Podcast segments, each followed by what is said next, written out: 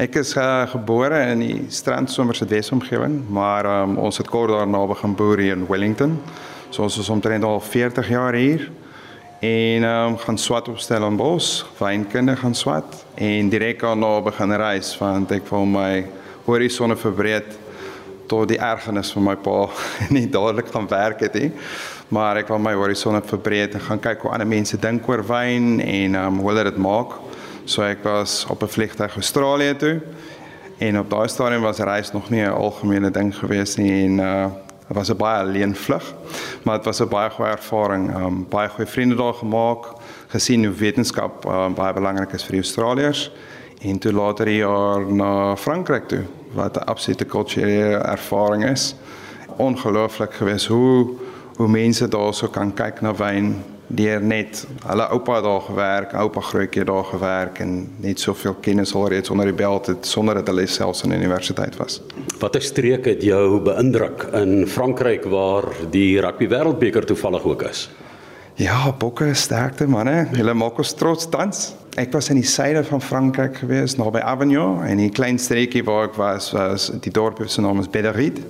Um Châteauneuf-du-Pape en ek het wyn gemaak by Vautelegraphe dit was ongelooflik die kos en die wyn en die sonskyn daaronder um maak dit vir my meer van 'n vriendelike omgewing as Boonbordeaux waar ek voel almal moet regop staan as hulle wyne proe.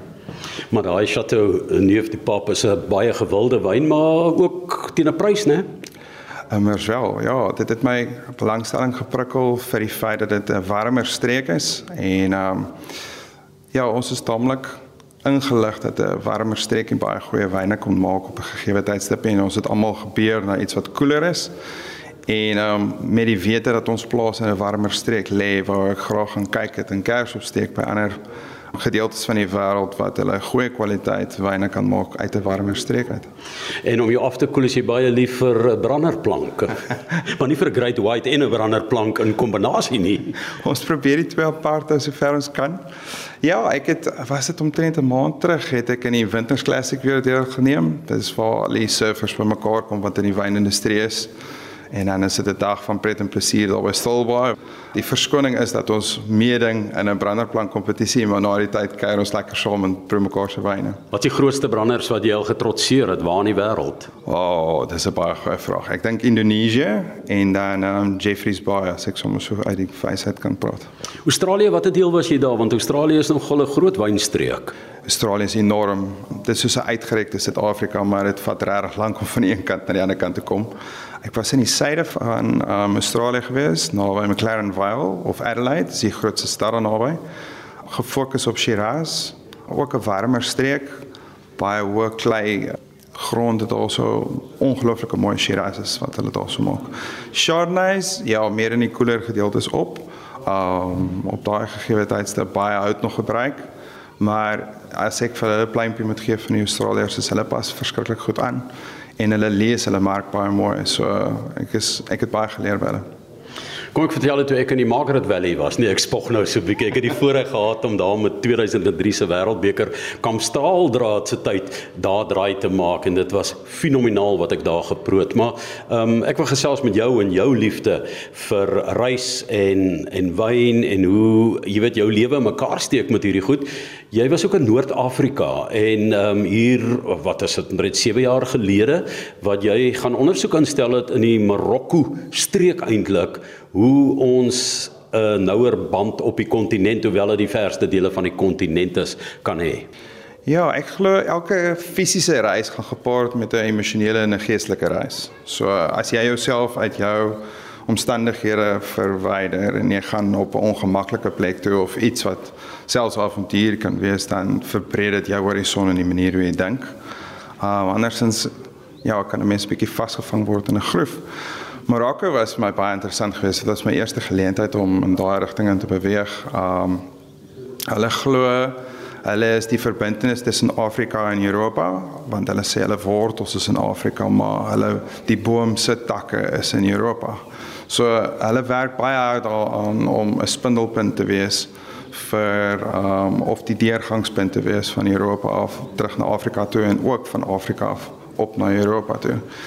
Wat ek baie waardeer het of wat ek geleer het op die uitreik wat ons gedoen het also is dat hulle werk verskriklik hard aan om vryhandel ooreenkomste met allerlei nasies reg oor die wêreld um, ooreen te kom om hulle produkte te bemark en sodoende die oorhand te hê oor enige kompetisie.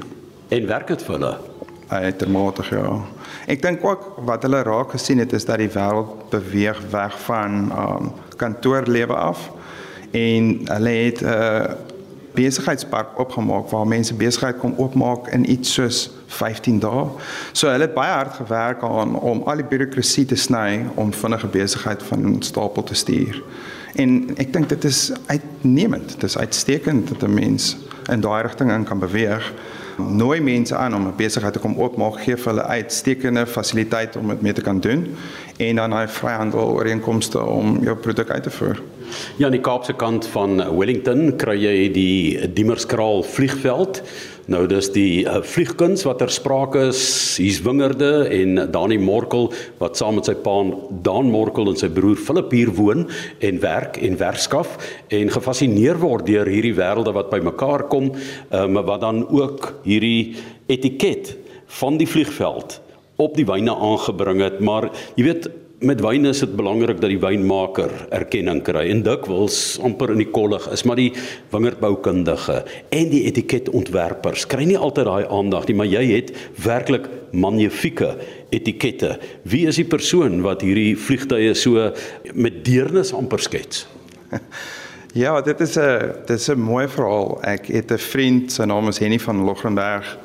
Um, dis 'n voorreg om my vriend te noem jy kry mos daai mense wat ongelooflik kreatief is. Hy is 'n chef, hy's 'n fotograaf en 'n kunstenaar en ek het eendag die wyn na hom toe gevat en toe proe ons die wyn en ek het hom gesê wie nie, ek soek 'n etiket vir die wyn, maar ek ek soek dit en dit en dit in daai in daai etiket en as iemand dit sien, dan moet hulle die nostalgie en die avontuur van burgerlugvaart moet hulle ervaar. Hulle moet dit kan proe nog voordat hulle dit proe.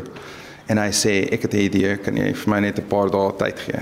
En ja, dit is so my staggering vir my eerste geskets het. En um, ek dink 'n soort daaronder sukses. Baie mense stap verby die wyn en dan stop hulle en hulle kyk na die etiket en dan sê hulle, "Oké, goed ons. As die etiket so mooi is, dan word die wyn ook om met te baie te wees."